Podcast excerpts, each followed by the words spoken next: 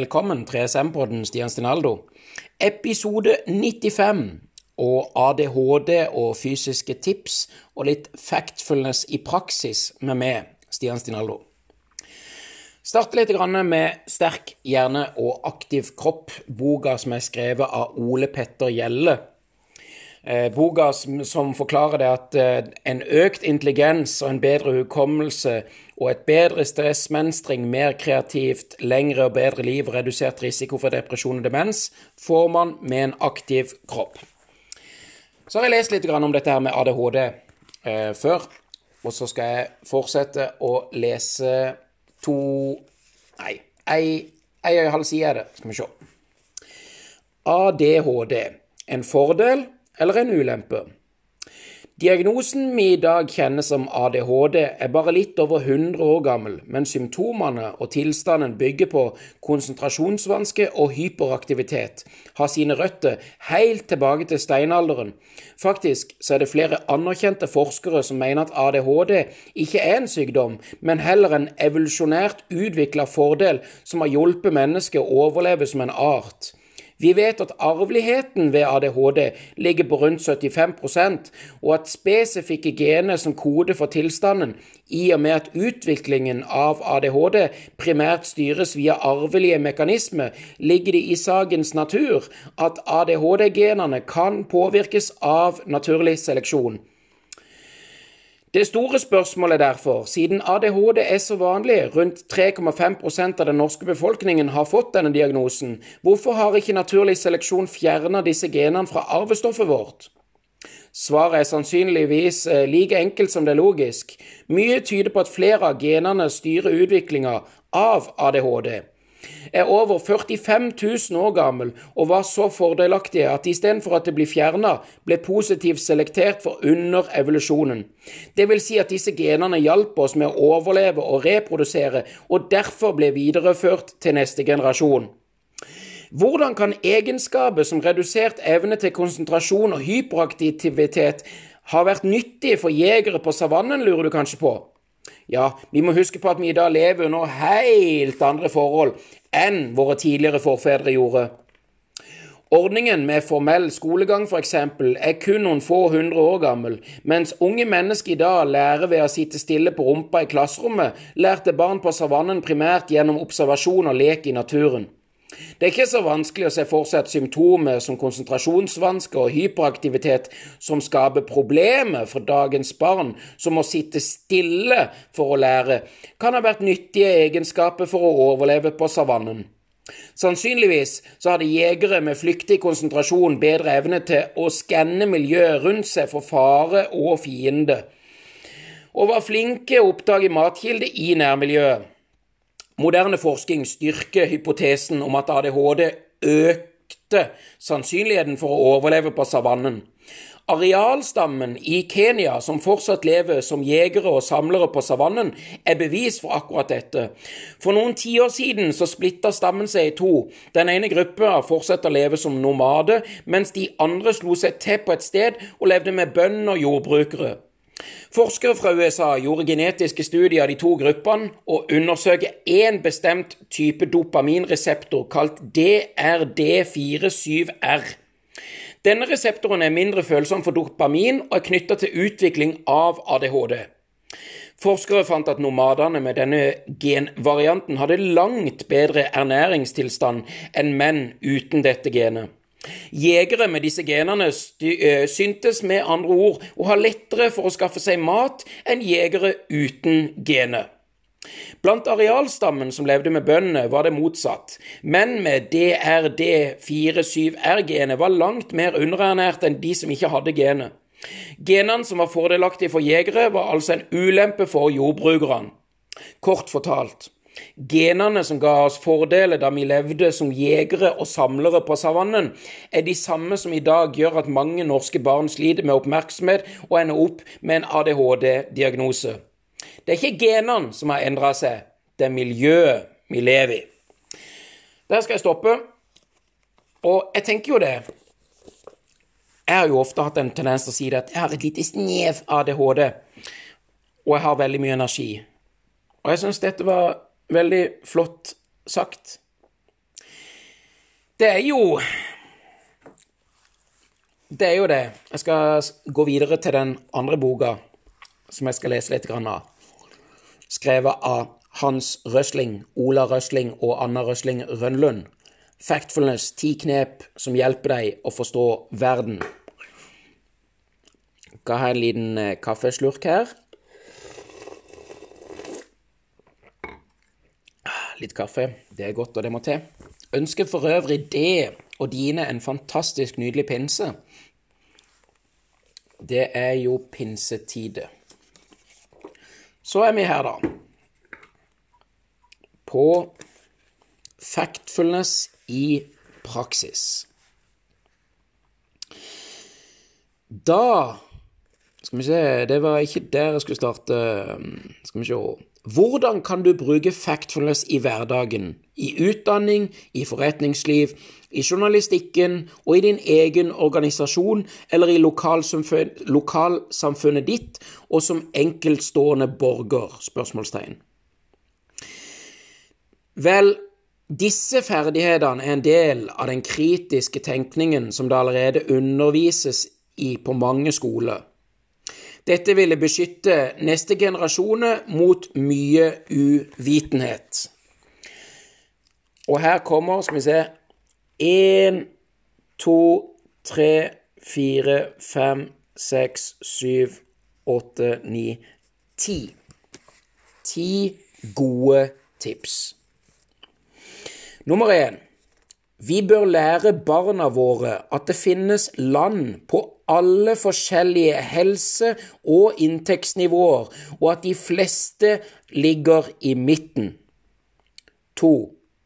Vi bør lære barna våre at deres eget lands sosioøkonomiske posisjon sammenlignet med resten av verden, og hvordan dette forholder seg, endrer seg. Tre.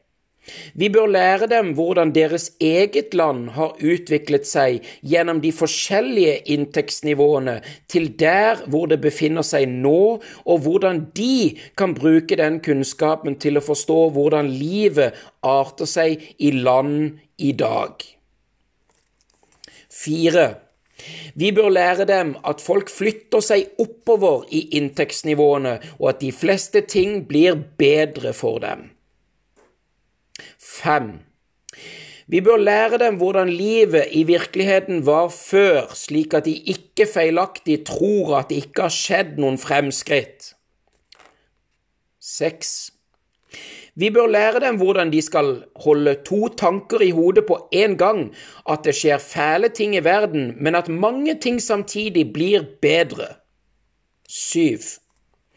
Vi bør lære dem at stereotype forestillinger som kultur og religion er ubrukelige for å forstå verden. 8. Vi bør lære dem hvordan de skal fordøye nyheter og oppdage drama uten å bli stresset eller miste håpet. 9. Vi bør lære dem de vanligste metodene folk vil bruke for å prøve å lure dem med tall. Og 10.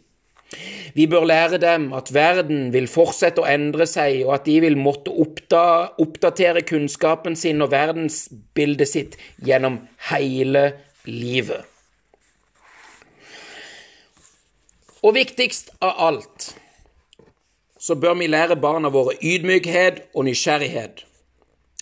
Ydmykhet betyr i denne sammenheng at vi må være klar over hvor lett instinktene våre forvrenger fakta.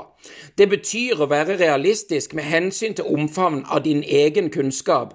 Det betyr at du godt kan si 'jeg vet ikke'. Det betyr at du òg, når du har en mening og er villig til å endre den når du kommer over nye fakta, det er ganske avslappende å være ydmyk, faktisk, for det betyr at du kan slutte å føle deg pressa til å ha en mening om alt hele tida, og slutte å føle at du hele tida må være i stand til å forsvare meningene dine. Nysgjerrighet betyr å være åpen for ny informasjon og aktivt søke den.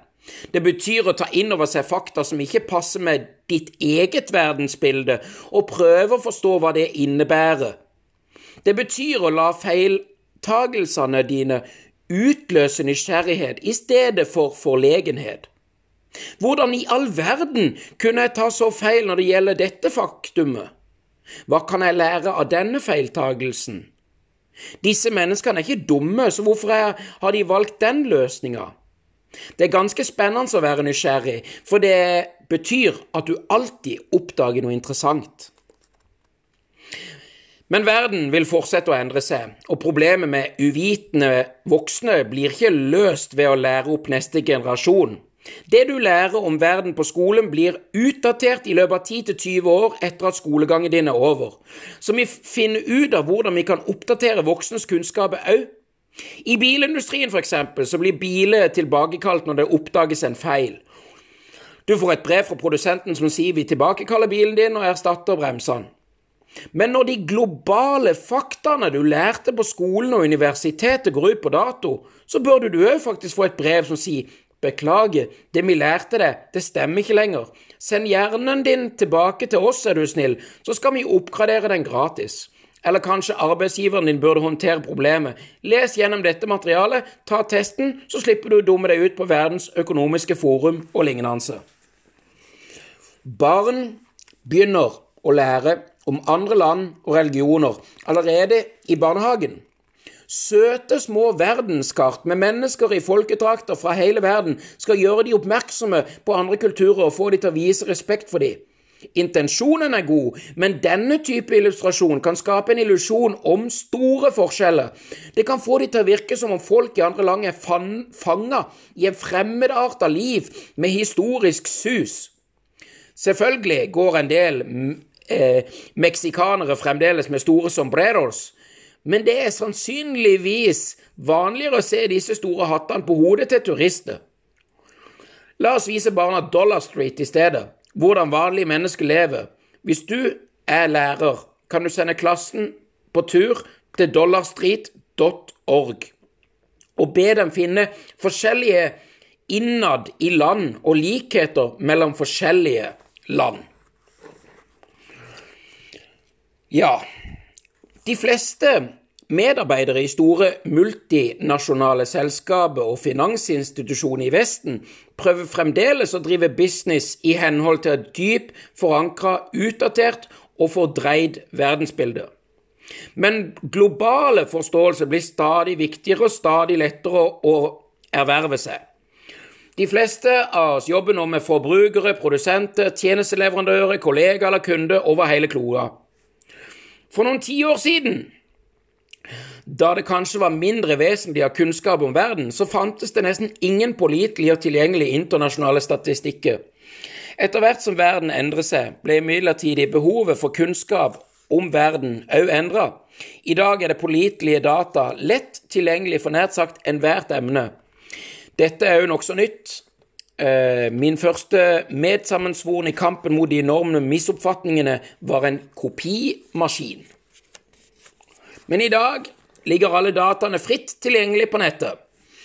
Innenfor rekruttering, produksjon, markedsføring, investering så har det aldri vært enklere eller viktigere for næringslivsledere og medarbeidere å ta faktabaserte beslutninger. Det er allerede blitt en del av kulturen å bruke data for å forstå de globaliserte markedene. Men når folks verdensbilde er snudd opp ned, så kan løsrevne data være like villedende som gale data, eller ingen data i det hele tatt. Inntil noen en dag faktisk tester den globale kunnskapen deres, antar alle at det er sånn noenlunde riktig. Hvis du leder en stor bedrift i Europa eller i USA, så må du og medarbeiderne dine informere salg og markedsføring, forstå at fremtidens verdensmarked primært vil vokse i Asia og Afrika, ikke på hjemmebane. Når det gjelder rekruttering, så må du forstå at det å være et europeisk eller amerikansk firma ikke lenger er noe å skryte av for å tiltrekke seg internasjonale medarbeidere. Google og Microsoft har f.eks. blitt globale selskaper og gjort amerikanismen, eller americanism, sin nærmest usynlig. Deres medarbeidere i Asia og Afrika ønsker å være en del av virkelig internasjonale selskaper, og det er de. Begge de administrerende direktørene i disse to selskapene, Sundar Pikai i Google og Satya Nadella i Microsoft, vokste opp i India og tok utdanningen sin der. Når jeg holder presentasjon i europeiske bedrifter, så ber jeg de bestandig om å tone ned den europeiske preg i merkevaren sin. Gåseøyne fjern Alpene fra logoen deres. Og flytte hovedkvarteret sitt, men, de ansatte, men ikke de europeiske ansatte, til et annet sted. Når det gjelder produksjon, så må du forstå at globaliseringen ikke er over.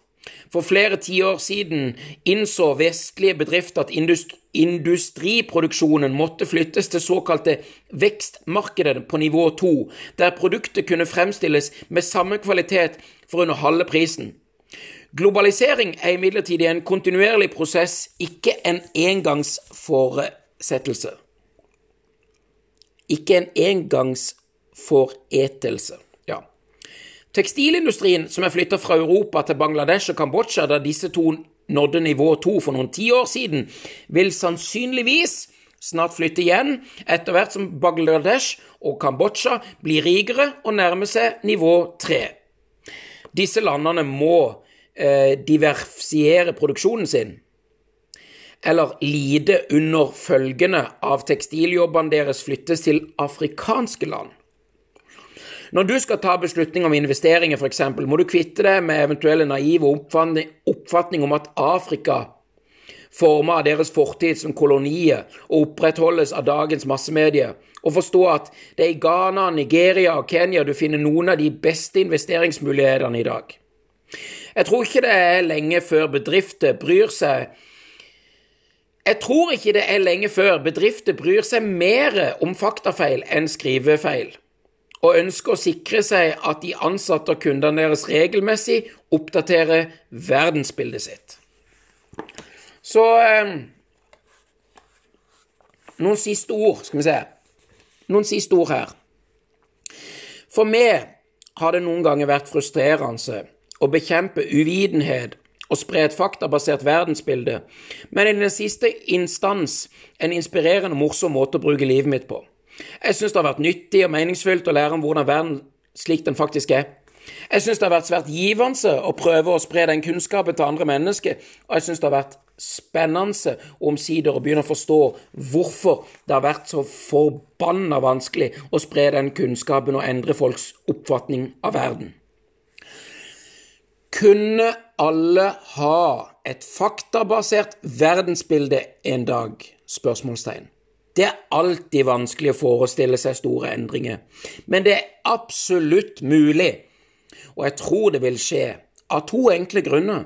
For det første er faktabasert verdensbilde mye nyttigere for å navigere i livet, akkurat som en GPS er nyttig for å vinne veien hjem, eller i skogen, eller i byen.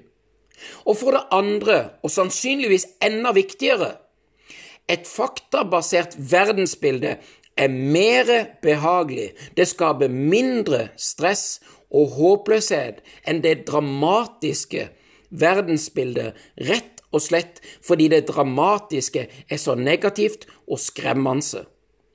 Når vi har et faktabasert verdensbilde, kan vi se at verden ikke er så ille som den ser ut til i media, og vi kan se hva vi må gjøre for at den skal bli enda bedre.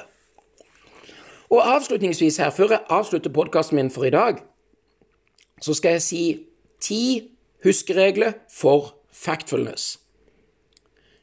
Huskeregel én, det er gapet. Se etter flertallet. Huskeregel to, forverring. Forvent dårlige nyheter. Nummer tre, rett linje. Linja kan bøye av. Fire, frykt. Vurder risikoen. Fem, størrelse. Få riktige proporsjoner på ting. Seks, generalisering. Vær kritisk til kategoriene dine. Syv, skjebne. Langsom endring er fremdeles en endring. 1% hver dag er 37,5% i løpet av et år i det feltet du vil forbedre deg langsomt er fortsatt en endring. Åtte, ensidighet. Skaff deg en verktøykasse. Og ni, kritikk. Unngå å peke på noe eller noen, Jeg gjentar unngå å peke på noe eller noen. Og ti hast. Ta små skritt, ikke hast fram. Hjertelig tusen takk for at du lytter, for at du deler, for at du sprer ordet. Som sagt, etter beste evne må en bare gjøre det beste ut av tidene og stundene en befinner seg i. Hopp ut av komfortsonen din, eller komfortbobla, som jeg velger å kalle det. Gjør noe. Kjenn på en glede, mestringsfølelse, en pushup, en situp. Gjør noe. Ring en venn, noen du ikke har snakka med på lenge. Og tusen hjertelig takk for at du er du. Når folk kan hate uten å skjønne noen ting, uten å vite hvem noen er, så kan jeg elske. Så jeg elsker det. Vil at du skal vite at du er elska. Fred og kjærlighet. Ses, hørs plutselig. Peace out. Folk kan hate, så kan jeg elske. Jeg elsker det. Instagrammen min ssshow2020. Nettsida mi 3sm.no. Du er elska.